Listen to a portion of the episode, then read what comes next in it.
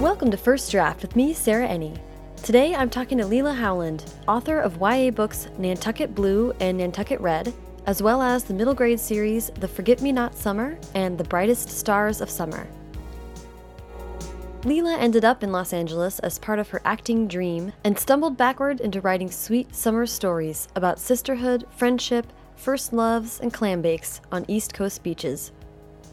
Leila is as kind and delightful as her funny, poignant stories, and I was so happy when she invited me over to her lovely house to chat. So get on your sun hat and grab some ice cream with jimmies and enjoy the conversation. Um, so how are you? I'm good. It's so is it Leela or Layla? Leela. Leela. Okay. It is so nice to thank you for inviting me to your home. Yeah. It's nice to be able to hang out. So, well, let's start at the beginning. Okay. Um, go way way back to where were you born and raised? Rhode Island, Providence. Okay. Yes.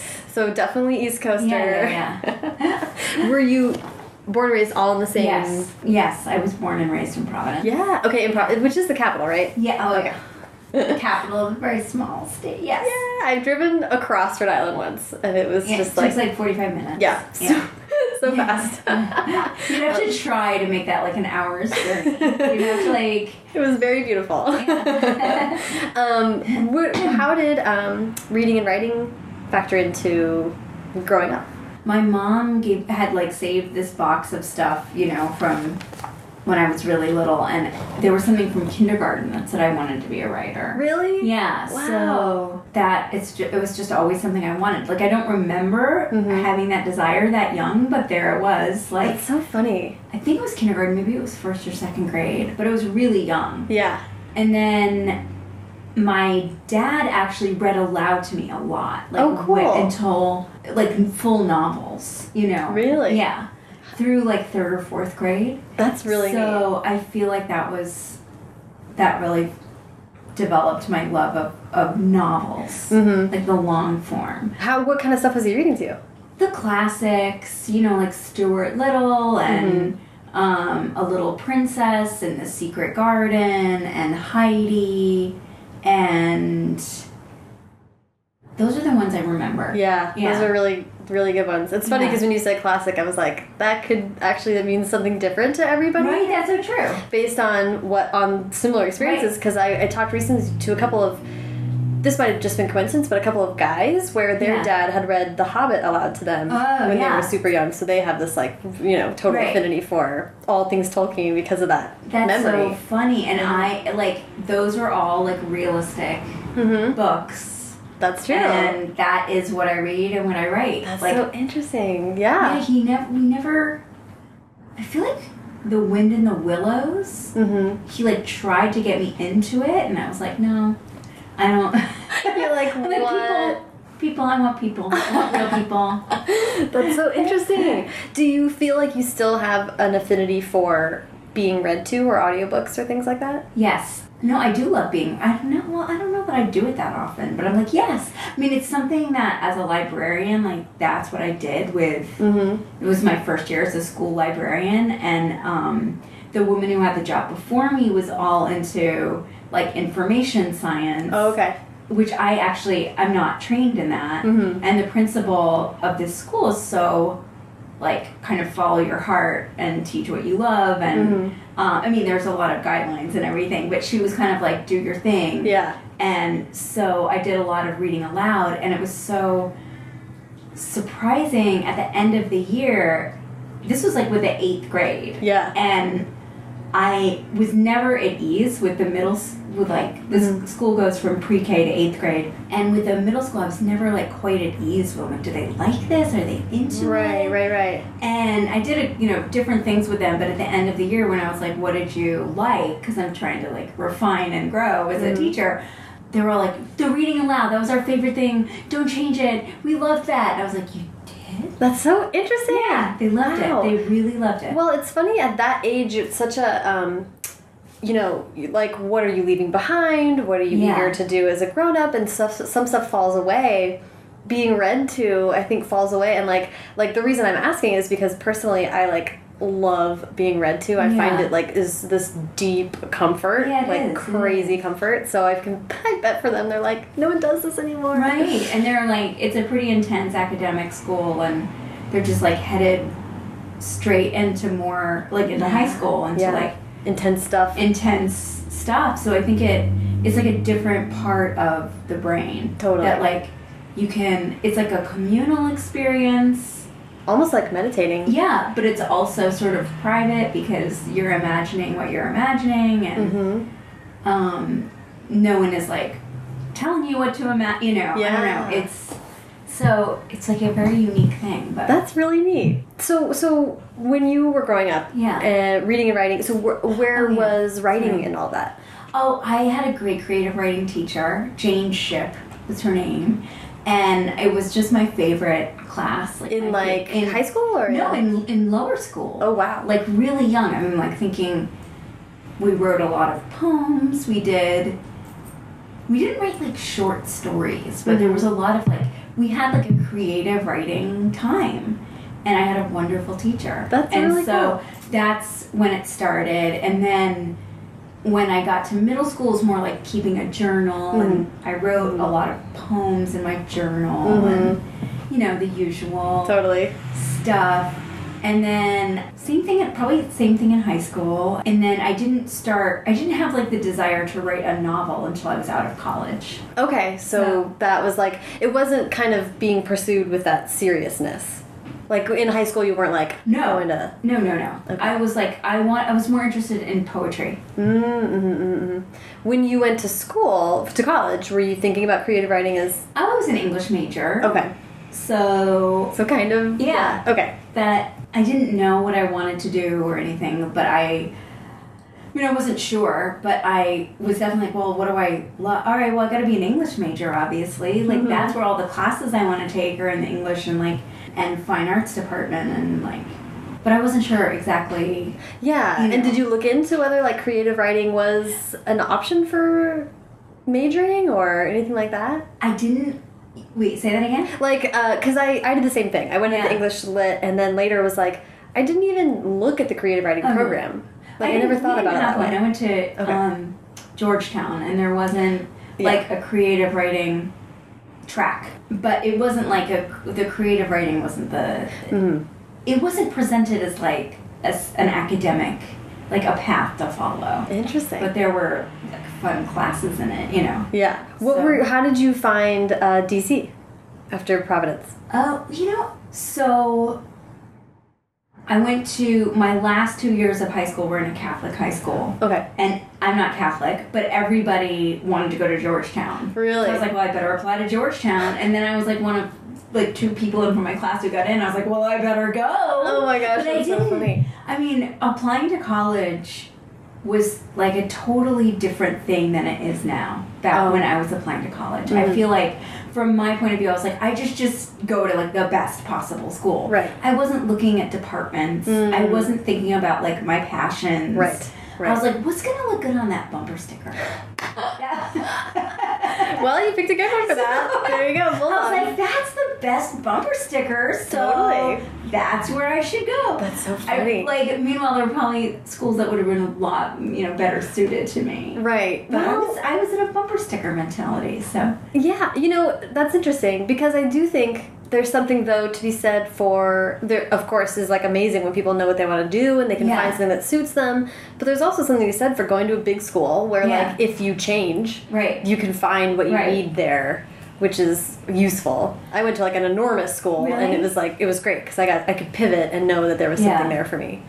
I was sort of pivoting and I was sort of in a circle. I was like, I don't know. I'm. It was. It was always a bit of a mismatch because it's just pretty obsessed with politics and stuff. It was The culture always, is intense. Yeah, the culture is different.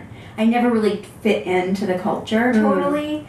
I guess my point was that I feel like it's so hard to get into college now that you have to Mm, yeah. be more specific Right. Right. in order to get in. yeah, that's true. It just seems so much hard. Seems so much more competitive now. I think it is. Well, and I think it's just there's more like resources to overwhelm yourself with Right. Right, how right, hard right. it is. No, I filled out my college applications like on a. This is totally dating myself, but I don't really care. On a brother word process, like on a typewriter. yeah, typewriter. yeah. I remember like wiping spaghetti sauce off of one. Like it was a. It was. my parents weren't really like they weren't looking over my applications. Mm. Right. Like it was totally. I don't know. I like I didn't study for the SAT. Like it was just a. It's just different, huh? It was just so. Anyway, I don't know why I'm going on about this. no, no, that's really interesting because because kind of how I especially wound up at Georgetown was like through my own misguided. I mean, it's an excellent school. I'm not putting it down, but a real mismatch, and because it was like I was guiding my own ship, which Right. was and at seventeen, like At who 17, knows? yeah. Well, okay, you said you didn't want to write a novel until after college. yeah. But so during college, you were taking English, writing, that kind of thing. Yeah, What were you thinking? So yeah, Yeah, I was gonna say, when did acting come in? So I did theater. I wrote a lot of plays. oh, okay. and I did this great like instead of going abroad for a semester, I did this semester at a theater in Connecticut called the Eugene O'Neill Theater Center. And I like that's where I met like the people I probably should have been going to college with, like people right. from Brown and Vassar, and I was like, Mhm. oh, these are my people. Right, right, right. Like I feel so at home, like taking playwriting and directing and like movement and voice. I was like, I never felt so at home Oh, as I did in this like semester abroad program, even though it was like in Connecticut. And I was like, well, no, this is my world, and this is Mhm. a theater world, Yeah, yeah. and this is where I feel In a creative world. in a very yeah very creative i love i was so happy and i was like i better go into theater because that's where all my people are yeah. so that was my like after college i was like i just want to get back to that like continuous creative life Yeah. What, what were the um? So you wrote plays during that semester, or like over the oh, course in of? college throughout college yeah What were they about? oh most of them were okay so uh, i did a lot of like feminist theater stuff and like more like performance Mm-hmm. art. I wrote actually we like reconnected on Facebook several years ago and now we're like Facebook friends. But with a friend of mine, um, we wrote this play that was like it was like fairy tale sort of deconstructed and Yeah, yeah, yeah. you know Mhm. sort of very popular theme. But we wrote some like plays that we like deconstructed the fairy tale of like told them from a feminist point of view. And then at the theater program, I wrote more, like a more like traditional play. Mm-hmm. I don't know. I was gonna say the the deconstructing and looking at it through different lenses, like Yeah. it's also kind of a literary way to think about Yeah. a play. Yeah. Was that fun? I mean, was did you Oh, feel like so writing plays was? Oh yeah, it was really. I loved it. Um, and yet, I wasn't really drawn to playwriting professionally. But I, I don't know. It was sort of like I was into the creative process. Yeah. Were you more? Was it more? I'm curious about that because I find that interesting. With plays, was it more that you were interested in performing what you were writing, or were you I thinking think about both. it that Like hard to pull it apart, hard to separate them. Like. hmm So it wasn't just writing so I had something to perform. It was both the act of writing and the performance of it. Yeah. Just because it's so different from writing or from, From writing, writing novels. novels. It is. But when you're writing a novel, you are performing it. And you're kind of performing all the roles. Like, I keep coming back lately to the idea of the novelist as like a total control freak. Yeah. because something like a play, there's an element of trust once you are done writing it trust of yourself to perform it, trust of someone else, Right. trust of all the people that are involved in putting a play together Right.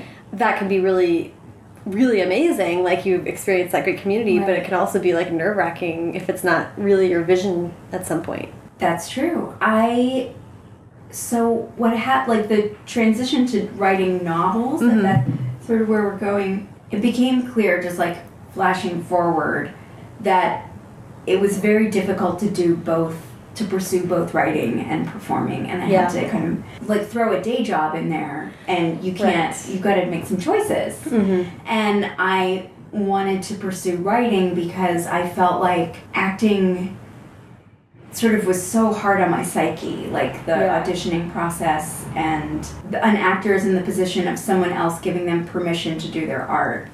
And I couldn't. So back to the control freak thing, I was like, I want to be able to do this without anyone giving me hiring me to do Yeah. it, like Yeah. just because I need to express myself. Mm-hmm. So um, I made the decision to like pursue writing, and for a while I was doing screenwriting. Okay. And then I realized I just had more of, I was more interested in the kind of like internal narrative than the art of making everything visual. Yeah, which is so distinctive. Very different. Yeah. Very different kinds of storytelling. Mhm. And I I'm felt much stronger at the other one. So at being like going on like a sort of internal journey Mm-hmm. and there's a lot more latitude in my mind with language with novel writing than with screenwriting Yeah. so that's the whole like that's this that's how i like went from here to here Yeah, um, i'd love to hear just like kind of pick apart a little bit Yeah. some of the details. Like, what was it like to move to New York?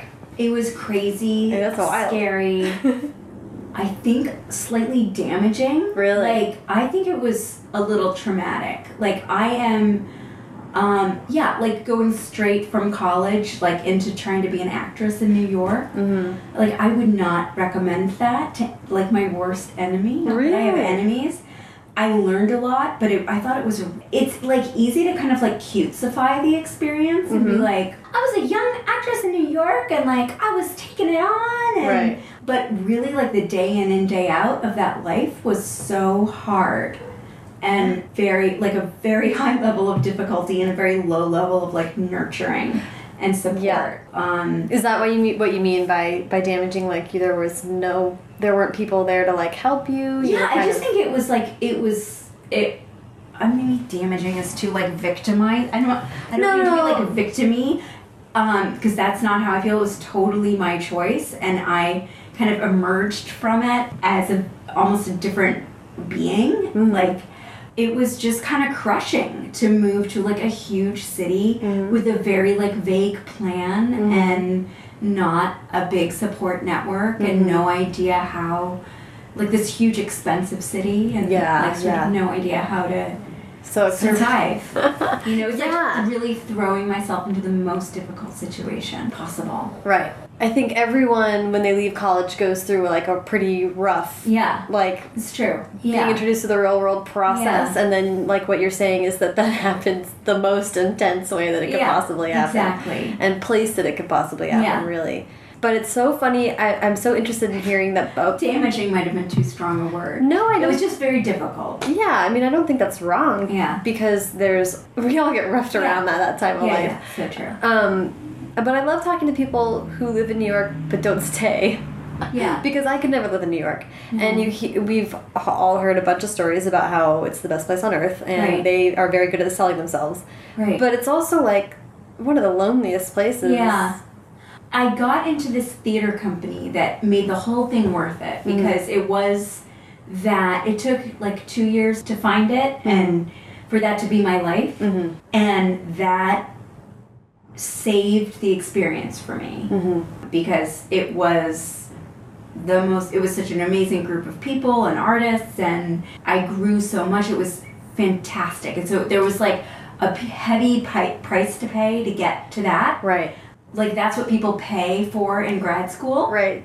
and i had to pay it in like hard knocks Yeah. Yeah. and then i you weren't i wasn't paid to be in it so i Mm. still had to support Yeah. my life but like that was the grad school sort of experience that i was looking for and i couldn't have gotten it anywhere else i don't think Mhm. and i'm so glad i had that experience it's not meant to be this particular theater that I was a part of at that particular time, you're supposed to like get what you can out of it, Right. put yourself into it, and move on. Right. It's not like someplace you settle down forever. Mm-hmm. So once I'd like cycled through, I spent like another maybe year in New York, and then I was like, I am out. I like I got what I could get, and now I am done. It was time to go. And what do you mean by go? Um, leave New. I was like, I just have to get out of the city because Really? I wasn't really. I was like, I wasn't sure if I wasn't going to be an actress in New York. Mm-hmm. I wasn't sure what I was. It's like no place to like to discover yourself or like take a breath or take Right. a beat.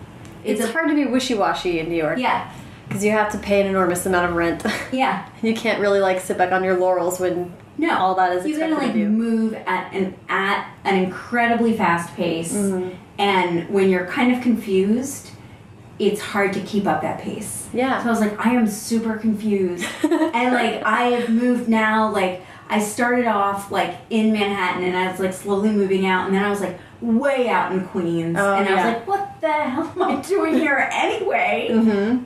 I'm just gonna like back all the way up now, Yeah. and just bye. So at this moment, you were thinking you maybe still wanted to act, or you were like, I'm No, done I, with all of this. I, I was like, I'm done. I'm done. I got what I was looking for. yeah. I loved being a part of that theater company. I felt like that was so unique and such a like high point in my life. Yeah. But I, I didn't think I was in acting for the long haul. Yeah. Because I'd seen and experienced the side of it that was like just rejection after rejection after Right. rejection and the superficiality of it Yeah. and I I didn't know how to make a meaningful life Yeah. with that as my like milieu. I don't No, to and, and and that's that's so interesting and such a good point. Tying back to what you're saying about, so you were sort of looking for like a sustainable creative life, yeah. And books are so much easier Yeah. to do every day. You don't need anyone else. You don't need a sound guy. Right. Like you don't need like a million dollars. Yeah. You don't need to like fund it. Mm-hmm. You don't even have to like look nice doing it. You can just roll out of bed and Yeah. make writing happen. Yeah, that was, and I was like, oh, and I love this. Mm -hmm. So so by that time, which wow, like how old were we talking about when you're looking at? Twenty six. Okay, so about I was gonna guess that for some reason Yeah. because that seems like oh, one of these ages where things yeah, happen. 26 or 27. By then, you were already starting writing novels. I moved home for a little bit to Rhode Island, and I got a waitressing job. At Mm-hmm. that point, I had like a really hot waitressing resume. Amazing. Like any restaurant Island was gonna snap me up. That's awesome. Um, I just needed to like chill for Mhm. like for a little bit, mm-hmm. and I got this idea for a book. It like it worked. It was like moving home, feeling nurtured, Mm-hmm. taking the pressure off. Mm-hmm. I got like started to get an idea. I got this idea for a book because an actor. I got this job waitressing near Brown University, and a lot of famous people's kids go to Brown, Mm-hmm. and famous people like Emma Watson went there. yeah, of, yeah. And um, this actor Peter Boyle was in the restaurant, and I was like chatting with him because I loved Young Frankenstein, Mm-hmm. and he was so hysterical Mm-hmm. And he started telling me about he like all the job I was like I used to be an actress. I guess I'm always an actor I don't know you know. And he was like so warm and receptive and he started telling me about all the jobs he'd had as when he was like struggling to pay the rent and he'd worked at the post office was the one. And I was like what a fun idea for a book to like talk to a bunch of actors about some of the jobs that they had Yeah. and then I was able to get some interviews. Like once I had the idea, I'm like, all right, I'm ready to put my energy towards this. Yeah. So it was nonfiction. Yeah. That's so interesting. I made a like I bought a book about how you write a book, Yeah. and I sent out. I wrote a proposal. I wrote sample chapters, and I sent it out to a bunch of agents. And the agent who responded is my agent today. Really. Yeah. On this nonfiction. On this nonfiction proposal. book, and this is So interesting. many, many years later. That's fascinating. Yeah. Okay, so where does that project go? What happened with that? It didn't work. It was like she was like really young. We're both we're the same age. Um and she was a foreign rights assistant. Mm-hmm. Whatever. She was on her way up and um What, what's her name? Sara Crowe. Okay. Oh yeah, of course. I was like, oh, I love her name. She sounds like she should be my agent. and um, That's amazing. I met her in New York, and I was like, "Are you my agent now?" And she was like, "It's up to you." And I was like, "Then you're my agent." Oh my And gosh. so we went out with this book, and um, we didn't. It, it just didn't quite work because that's like a, a whole different skill interviewing Oh yeah. and I don't like I was afraid to make anybody uncomfortable. Like, yeah, yeah, yeah. I just wanted to be really sweet and nice. And um, somebody said some actually big to do in publishing. I can't remember. I remember his first name was Eamon, but I don't remember his last name. Was like it's her voice. Mm, That's, that's working. really working. The rest of the book isn't working, and but her voice is really great. And Sara was like, "That's a really big deal. Maybe you should just write this story using your voice." Mm-hmm. and like forget about the interviews. And I was like, oh, okay. And in the meantime, I had a middle grade like idea, or no, it, at that time it might have been a picture. but It's like started off as a picture book idea. So we were just like growing together. Yeah. You know. That's so amazing. Yeah. And then I went off to do after a while, like nothing seemed to pan out. I tried screenwriting for a while Mhm. and then realized like I was better at the other thing, but Mhm. went back to the other thing with like all the screenwriting knowledge. Yeah. And then Nantucket Blue was born. And Sara, I like emailed Sara after, you know, like a four year hiatus. Right, right, right. As she like shot up the stratosphere. Yeah. She's like a really big deal. Yeah, and she was like, um, oh yeah, this is it. And we sold it in like a week. Really? Yeah. Oh, so like my gosh. However, I like don't even want to mention how many years later, but so many years later. That's amazing. Yeah. Okay, so so Okay. let's talk about Nantucket Blue, how that came. Well, like uh, you opened a bunch of different threads that I Yeah. don't want to. I don't want to miss. Um, how did the idea for Nantucket Blue? Well, I would. I don't want to not talk about screenwriting because I think it's Yeah. really interesting, and also like what you like mentioning bringing the screenwriting stuff Yeah. to writing. There's so much that applies that's really Right. helpful. Right. So what would what would you say were some things that you did enjoy and wanted to bring to novel writing from Just from the structure, like how to actually structure a story. Mm-hmm. Because I hadn't thought about that much. Right. I've never been somebody who's obsessed with movies. My husband is obsessed with movies. Mhm. And he's amazing with structure because he's watched so many movies Mhm. and written a lot of movies that that it's it's like second nature. Mhm. But in college I was reading like Milan Kundera or whoever that no there I don't think there's a lot of structure there to internalize. Yeah. And I was really obsessed with poetry, which is Mhm. like the poetry that I was obsessed with was not structured poetry. Like it was so I didn't really have I hadn't paid that much attention to it and screenwriting forced me to pay attention to it. yeah. It was another like really important learning experience. Yeah. Was- That's that's uh, uh, something that I keep learning. Just like Yeah. talking to screenwriters and stuff Yeah. like that. It's like wow, just the way that they think about it is it is helpful. When you're stuck, you can be like, oh well, there's there's this thing that can help me, which is called a plot, and then I can Right. figure that out. Right. I also Um, think it has its limitations. mhm. It's really refreshing to come across something that doesn't feel like it was written with Save the Cat right next to it, being like, okay, I'm on page 24, which is, you know, Yeah. um, Yeah. even though I love Save the Cat, there are moments where I'm like, oh god, it's a Save the Cat thing, you know? Yeah. Um,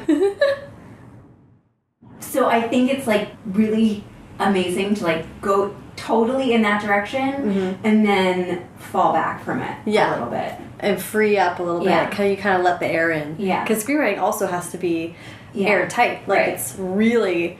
Um, what was the movie I saw recently? Cloverfield Lane, where I watched it and was like, "Wow!" It was so smart, Right. so fun, so like nonstop. And then at the end, I was like, "There's very little room to breathe in that, though." right.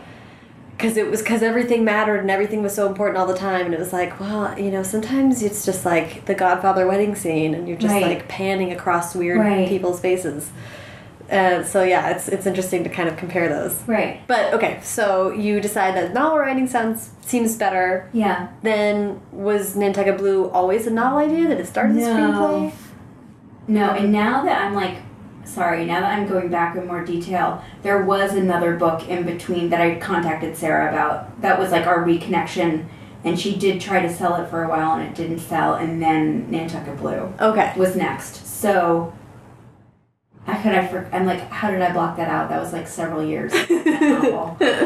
it's just been a lot. Like I'm Yeah, covering yeah. a lot of green. Oh, yeah. it's like a lot of territory. It's rare that someone asks you to chronologically go through your life. I understand that, so this is definitely. Sorry, and then she was the, so that that novel was um, for adults. Okay. And it never occurred to me to like. I was like, oh, I really liked that agent. Why would I go elsewhere? Even Mhm. though it, that wasn't necessarily she was such a such a specialist in YA. Right. I mean, she does other stuff and does it well, but she was like, you you really have a voice for YA. Yeah. I really think the next one should be YA. Interesting. And um because I wasn't reading YA on my own. Okay. And then she made some recommendations and I was like, "Oh my god. Oh my god. this is what I should be writing." Do you remember what some of those books were that? Yes, the um disreputable history of Oh yeah. Frankie Landau So good. I was like, uh, Kristen Tracy's book. I've got it. It's such a good book. I love Kristen Tracy's voice. Um, but the, it was E. Lockhart. Really. Yeah. I was like, oh, ugh, perfect. Yeah, that's so great. Um, so then, that's so interesting that yeah that you had an adult. So so she was kind of saying that that's the right voice. Yeah, and then I had the screenwriting stuff, and I was like, all right, what's a good. And then I had had like a personal experience with a friendship falling apart, Mhm. and Nantucket Blue is like the heart, beating heart of it is a friendship falling apart. Mhm. And I thought, on like a personal level, I really needed to explore that phenomenon Yeah.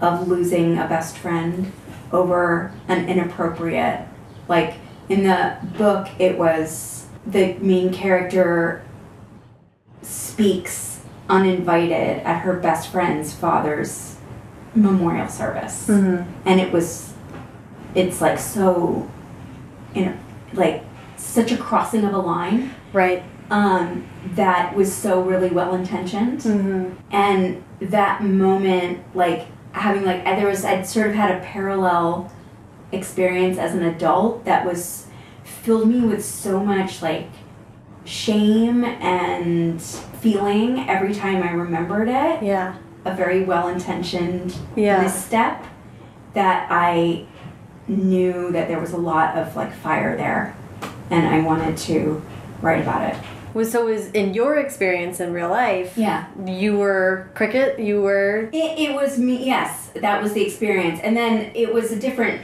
totally different circumstances, Mhm. but it was, a, yeah, it was a similar emotional experience. And how, how old were you when that happened? This was not high school, right? No, this like- was like 32. I don't Okay. think. Okay, because yeah, the the the female friendships books exploring that are, Yeah. you know, super fascinating because Yeah. they're very unique relationships and very uniquely kind of intense relationships. Interesting is that when I wrote Nantucket Blue, I couldn't find books about it. hmm it was all romance. I could not find, and I maybe A wasn't looking very hard, or B it started to trend later. hmm Because now I feel like there are lots of books about female friendship falling, like female friendship. Mhm. But in 2011, I, d- I could not, or 2000, yeah, when I started writing Nantucket Blue, I couldn't, I was like so desperate to read about that experience or see a movie about it or, and there was nothing. And now there's so much. This was like pre Bridesmaids, pre, Right. Right, you know, which is amazing. It's Yeah. great to see so much more, yeah, it is. to see explored more. Um, That was but- another reason I wanted to write it. Well, I was gonna say, and also great for you to say, like, well, I'm not seeing it, so I'm Yeah. gonna write it. But scary. And it didn't feel scary, it felt inevitable. I, Mm. that sounds really pretentious. But No. I felt like I had to do it. Like Yeah. it felt like "Hey, this is what I this is what I'm doing. Like this is how I'm gonna get through this. Mm-hmm. Mm-hmm. So was it? It was you were you were writing it. I'm I'm interested in like sort of the confluence of this. Like you both are given this idea of writing for young adults, Yeah. and sort of the world of young adult opens. Yeah. And is that like while you are currently dealing with the friendship It was, like- fallout, or is- yeah. okay, so it kind of just like Yeah, just- all came together. Yeah. And I was like, oh, I, you know, I was reading, um, I was just like devouring. Elin Hilderbrand writes these books that take place on Nantucket, and uh, that's all she writes for adults. And I was like, oh, this is such a great setting for young adults. Oh. like, like I was like, there's there are like a couple of women who've made their like huge careers out of writing about Nantucket for adults, Mhm. and I was like, but this is not nobody. Again, maybe I didn't do enough research. I'm sure I'm like leaving something out. I hadn't read or seen anything about it. Yeah. Actually, Josephine Angelini is, I think, had had written a fan like high fantasy that was Nantucket Yeah. based, but nothing contemporary realistic. And it was such a perfect setting for young adults because it's like young adults have the run of the young adults. Like young people have like the run of the place. Yeah. Like parents are like doing their own partying, and the kids have are kind of free to to like roam. It felt very. It felt like perfect and delicious. And Yeah, yeah. Yeah. Well, I was because I was gonna ask if there if you had done any like if you'd summered. In I spent Cape one summer there. You did Uh, yeah, I spent some one summer in there Nantucket in or Nantucket. okay. working as a as a chambermaid. Oh my god, So, really? yeah. So that was based on Yeah. real life. Yeah. Wow. Oh my god, that's amazing. And I was like, oh, this is perfect. And then I ran the idea by Sara, Mm. and she was like, oh yeah, yeah, yeah, that's good, that's good, that's really good. And then um, she, it's like I didn't realize this before I presented the idea to her, but she grew up spending her summers on Nantucket. Really? Yeah. She's like, oh, yeah, yeah, that's good. When I sent her the first draft, she wrote, this is like so fun to relive this moment.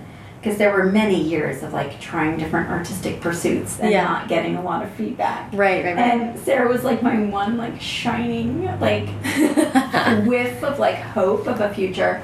She wrote back like the next like I read it overnight. Like it was like a dream oh, good. dream email to get. I was Yeah. engaged. I think I was engaged at the time. And I was like to my then fiance, my husband now. I was like, listen to this. She loved it.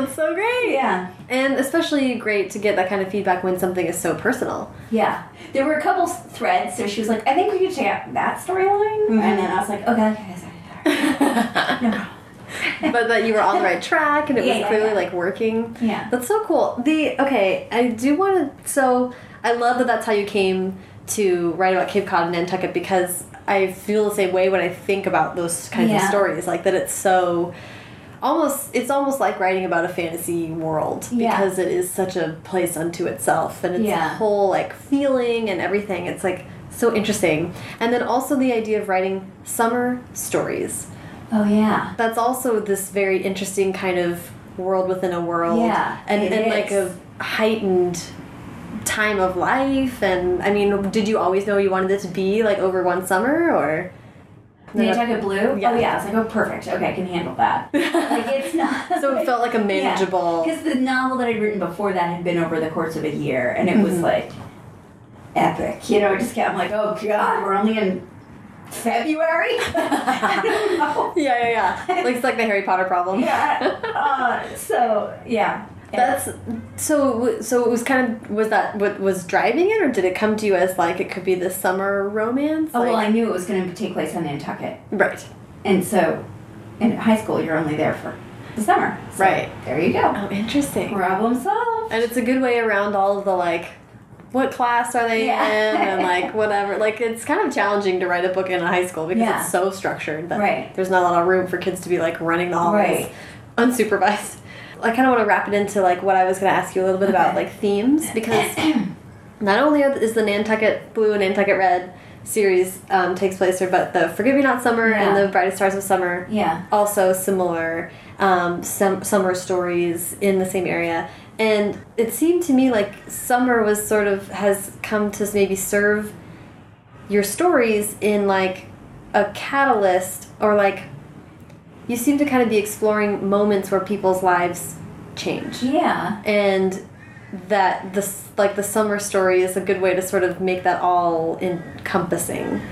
Yeah, I think that and like that's a moment. tends to be a like a transformative time mm-hmm. for kids because there's a break and there's structure and there's a chance to go to a different world whether it's summer camp or a vacation community or just a break from school you know where you have an opportunity to kind of be someone else or grow in a new way because you're not so um, directed. Um, or you're in a new place and you have an opportunity to go in like a new direction. They both started out as just standalones. Mm-hmm. And then luckily I had the opportunity to turn them both into series. Oh, that's cool. So that I did write two standalones in the summer, not expecting that I was going to be always writing in the summer. yeah, yeah, but that's how how it ended up. schedule works, right? That's really Like, neat, though. Was Yeah. it? Was it? Did you say like, "Oh, I have this idea. If you want another one," or The middle grade? for either, I guess. I mean, oh, no. so they were They were were like, just like, "We could do with another." yeah, let's do three. And I'm gonna like, I'm like, all right, let's do it. That's cool. I'm not gonna say no. yeah. So yeah, that's how that worked out. I'm That's really, cool. I'm very happy about that. Yeah. Yeah. That's really. But the next, my next book coming out, I was like, this is not taking place in the summer. If only because I need to vary my my publishing dates. Oh, yeah, like, totally. Oh, my God. Instead of having every it's being true. on the same cycle, I mean, like I need to like stagger my Yeah. yeah. um, let's okay. Let's talk a little bit about the middle grade, and then I definitely really want to Yeah. talk about the new project too. The so that I love that Nantucket Blue like felt so personal and was Yeah. like this kind of like barging into a new career and everything. And then what was behind the choice to try a younger audience? Uh, I was so immersed in the YA world Mm-hmm. that I wanted to zag a little bit from it. I, I mean, it's such an amazing world. I think I, I read some middle grade and I felt like it's more of an outward facing. I know it's not a genre, it's an age whatever. Yeah, whatever- I, whatever for lack of a better word. Yeah. No, it's not a genre, but that's how I'm using the word. It's like I've been corrected on that, like on panels. So um, anyway, it's a more outward facing Mm-hmm. genre rather than like inward. And there was something very appealing about exploring like a sense of wonder at the world, Yeah. which is more natural for that age group. Mm-hmm. And I, I was craving more of that rather than the internal Yeah. facing YA tends to be more It's internal. navel gazy. Yeah. Yeah. Yeah. Yeah. So so that's what I I was like drawn to that and then I I don't know I needed to do something a little different. Yeah. And how did the idea of writing about sisters come about? Oh well I was um she's not a little girl anymore. The the young woman who what's her name? She plays Sally Draper. Oh, Sally Draper. yeah, yeah. I don't know her name, but I know who you're talking about. Okay, there you go. She lives in this neighborhood, and I was seeing her at like the farmers market, and I was like, she at the time I don't, I, she looked about 12 Mm-hmm. and I was like, what must it be like to be that put together, and Yeah. sort of in this middle ground of famousness Mm-hmm. at such a young age. And then I thought, like, even more interesting, what would it be like to be like her kind of spazzy little sister who doesn't have the same poise or physique? Mm-hmm. What would that relationship be like? And it seemed this character emerged, the sister, Mm-hmm. that, and that a friend of mine had told me the story. She's, her mom is this like willowy blonde, and she said she's like I, I just take after my gr- my grandma, my dad's side, who's like this short, stocky, like wiry, frizzy haired Mm-hmm. lady, Mhm. and I I feel she's like I was very aware of this difference growing up, Mm. and so that to me seemed very comical Yeah. for some reason. That is interesting, and and of course, pulling from your life as far as someone who's acting or Yeah. pull, drawn to that, um, and yeah, contrasting with like the whatever we look like. I think Yeah. the inner part of us that's like, Yeah. like Right, exactly. It's more about the internal and the sense of I want to be someone else. Like I want to be Mhm. her. And I did grow up with a younger, I have an older brother who we have a really harmonious, always had like this super harmonious relationship. And then a younger sister, and we've had like a more fraught, though very like lovely relationship. And um, she copied me so much growing up. And I felt her f- infringement on my identity.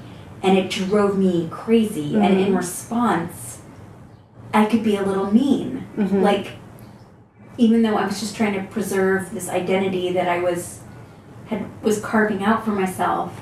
And so I was like interested in looking at that from Yeah. both sisters' points of view. Yeah, that's fascinating to me. Uh, because I only have a brother, so it was, Uh-huh. and we were so far apart that it was like not the same at all. Yeah. So when people are talking about sister stories and sister relationships, it's like that stuff is so interesting, and it's so. Um, I mean, it's just like complex female friendships. You know, Right. Everyone's different, and there's so much of comparing and loving, and like the line between love and hate, and all that stuff. Right, It's right, fascinating. right. I felt there was a lot to mine there. Yeah, and then with their aunt too, like Yes. like the aunt relationship is so different from the mom, and Right. like that's so fun Right. and kind of adorable. There was I had a, grew up with a really wonderful great aunt who was mm, like who'd been a science teacher who was so sage, Cool. just so wise and so important to me growing up that I I guess I wanted to bring that character uh, kind of back to to life for myself as like a, mm-hmm. a I don't know act of love. So it's al almost in memory of. kind Yeah. Yeah, but in this way that feels so I don't know. It, she's her own person in the book, but um, she her friend, my great aunt's friend and coworker, lives on Nantucket, and she's now in her nineties, and she showed me around Nantucket when I was doing research for my book, and she reminded me of my aunt so much, and I just was like, oh, she brought her back to my memory so vividly. That's really cool. Yeah. That's really special. Yeah. It's like amazing that you've been able to put in so many kind of diamonds and the. Like I like that of bringing a, bringing someone you love into the book and making the book feel better Yeah. with their presence as a part of Yeah. it. That's really cool. Well, this is kind of a silly question, but really quick before we talk about the new story, is that summers also and these Nantucket stories and East Coast summer stories always make me feel conflicted feelings because it's such a romantic thing for people from the East Coast. Yeah. And I'm not from the East Coast. So Yeah. I feel this like contrarian inside of me that's like, that's not what summer feels like right. but it, it is for like so many more people. Um, do you feel like writing about summer in Cape Cod was a way for you to just like like is that what summer is to you? I think so. I mean, yeah, that I, well, yes. It's a little bit of like wish fulfillment is the, I Mm-hmm. don't know, like a a part of me wished, you know, like Cricket wishes that she got to have a house on Nantucket. Right. And she didn't. Mhm. She, oh, she was a chambermaid. Right. And I'm not trying to like make myself be like, poor me. Right. Like I grew up in Rhode Island and I ha- lived an East Coast life because that's where my family was from. But I didn't have that like summer house experience and I wanted it so badly. Mm-hmm. So part of it is like living out that childhood desire of that East Coast fantasy with like the old house with like the family house that everybody- like a Kennedy. yeah exactly Yes. and I, I mean I just didn't have that as much as I wanted it growing Mhm. up And I think that's part of like the what's so fascinating to me about it is that there is like this pull. Like it's it's an American myth, really. Yeah. This kind of like, well, we're summering, Right. right? Whatever. And it's just this like, it feels so. It's like written in our bones culturally Right. in some way, which is so interesting. right right So it's fun to see you play with it and have Yeah. be the chambermaid, which is just hilarious. Um, okay, the new project, which I just read the Goodreads description of, so I don't know too much about it, but it is. Oh, I haven't even read. I haven't seen the Goodreads description. It's up there. It's like untitled, but it says um, 18 year old girl who can't get into college. Oh, yeah. Because of. So do you want to give us the like kind of the rundown? Yeah, sure. So the title is called Hello Sunshine. Awesome. And um, it's meant to be a little ironic. It takes the title because it it takes place in LA, Mhm. where, as we both know, there's like endless amounts of sunshine. Mhm. Um, but there can also be sort of a dark a darkness to that Mhm. relentless sunshine.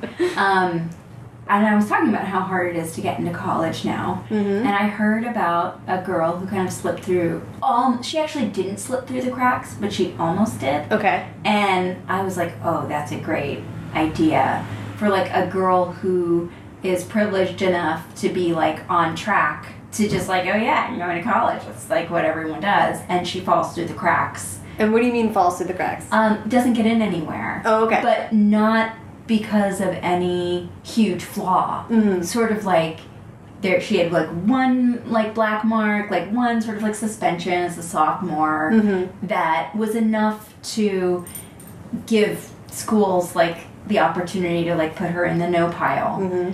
and kind of like strong. I think that, that a lot more girls apply to college than boys. So colleges get a lot of like girl applicate. It's I don't know. There's a lot of competition. Yeah. If you are like a pretty good girl, like Mhm, there's, like a Totally. lot. That's like a very saturated market. Yeah. Um, Yeah. So she doesn't get in and is really deeply ashamed and embarrassed. Mhm. And in an effort to like prove everybody wrong about for feeling sorry for her, Yeah. she moves to LA where she is tries to make it as an actress.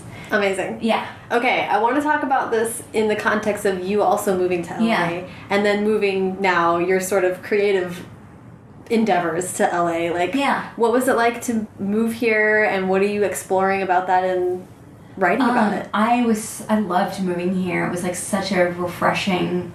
Um, I mean, first I wanted this book to take place in New York.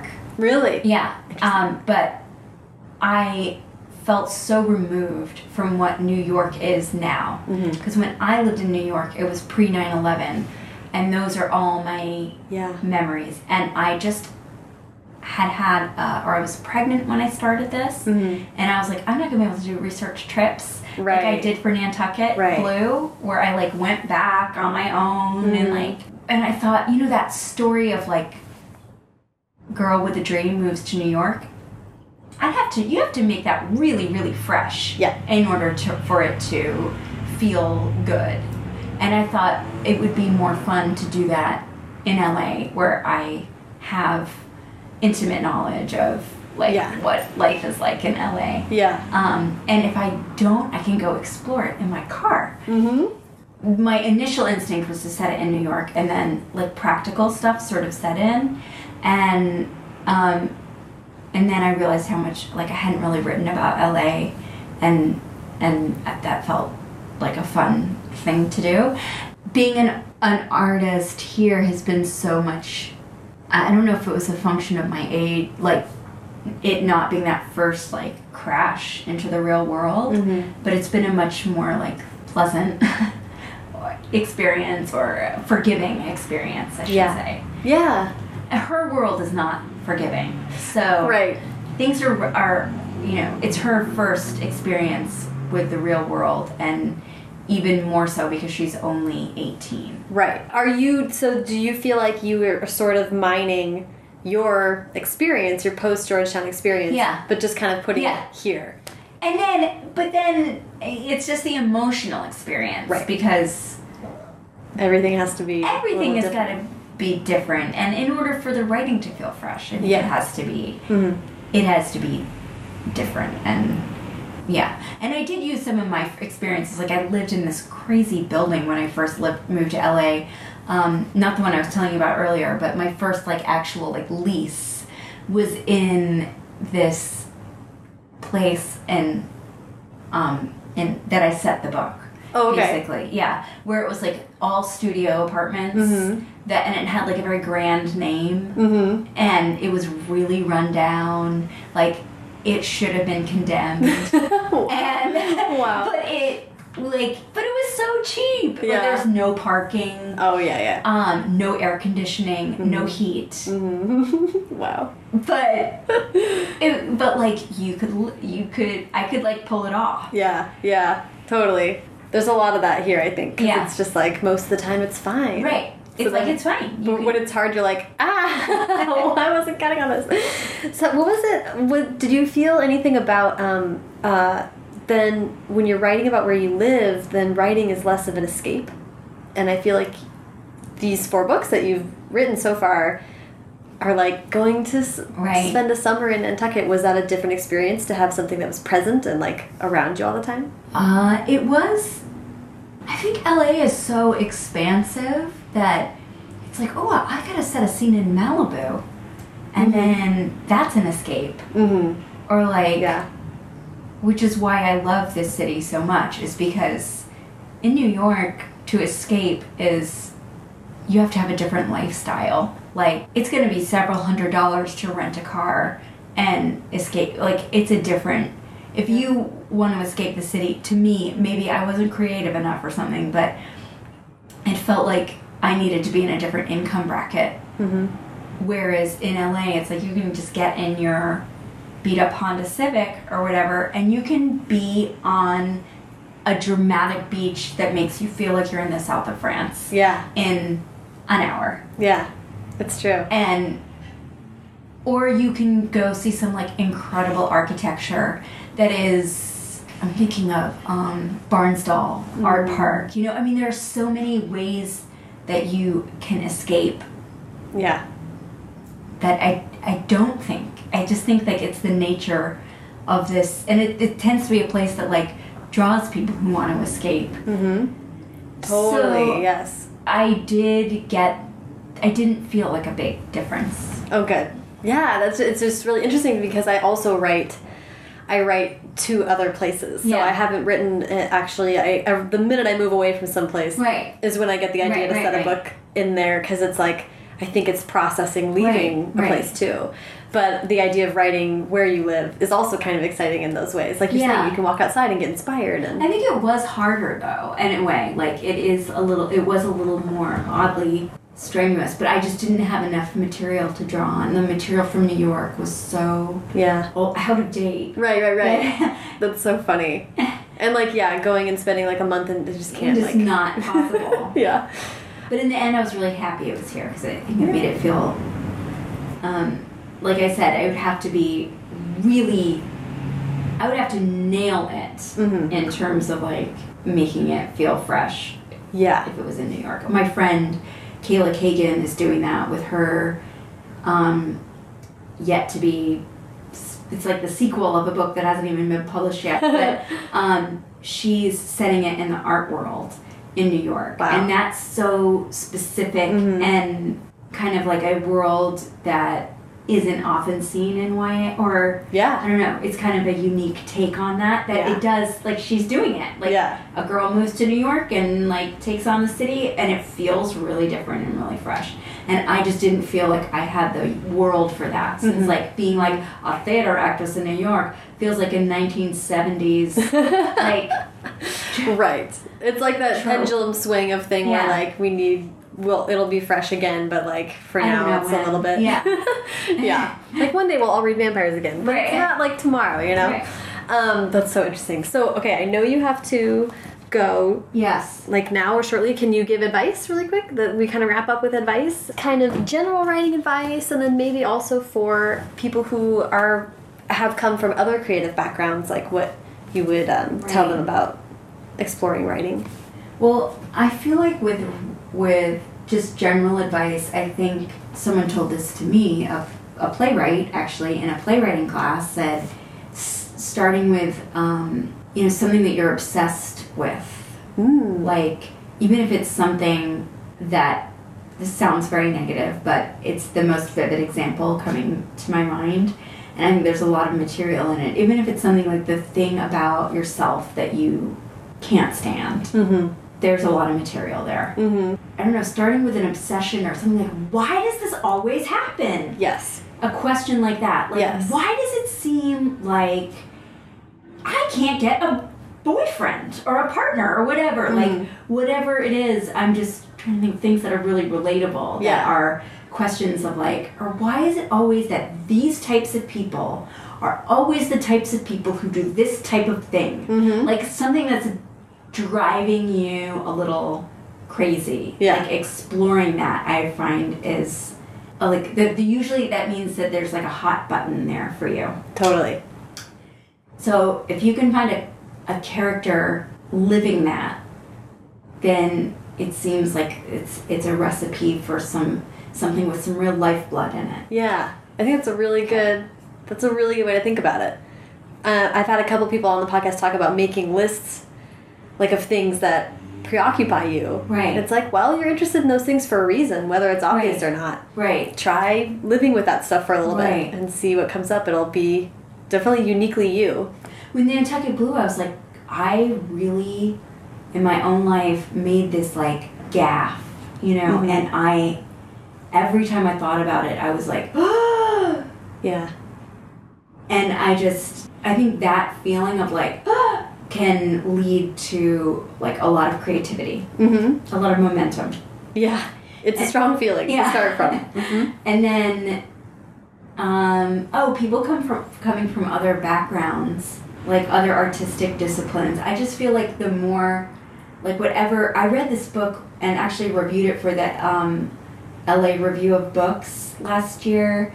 Um, why is my memory failing me? the author was a painter, and you could feel that talent brought to the page. Really? Um, Juliana Romano. Okay. is her name. Anyway, I feel like bringing any talent, whether it's like for coding or Mhm. this woman, like her images of LA were stunning. Mhm. Like, I was like drooling, getting the chills. They were so good because she was a visual artist, and so I think that can be a huge strength Yeah. um, coming from a fr- from like a different artistic perspective, bringing that, like not to be afraid to bring it like full on, Yeah. whatever.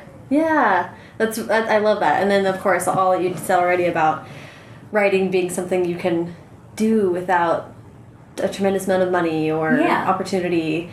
Can kind of just make it work. Or even time. You can even do it.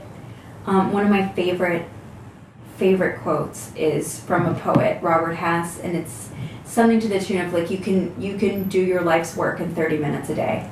Oh, interesting. And I think that's true. I think you can, you can um, do your soul's work in 30 minutes a day. So not being like, oh, well, I can't like take six months off to write a novel, but can you take a half hour? Yeah. Yeah, like real. It, it is funny the people's perception of like, well, not a lot of people are taking six Yeah. months out of their whole Right. life to write a novel. Like that Right. not really how it, how it works. um, dude, well, thank you so much. This was so fun, and then we should just talk again soon before Yeah. before the next one comes out.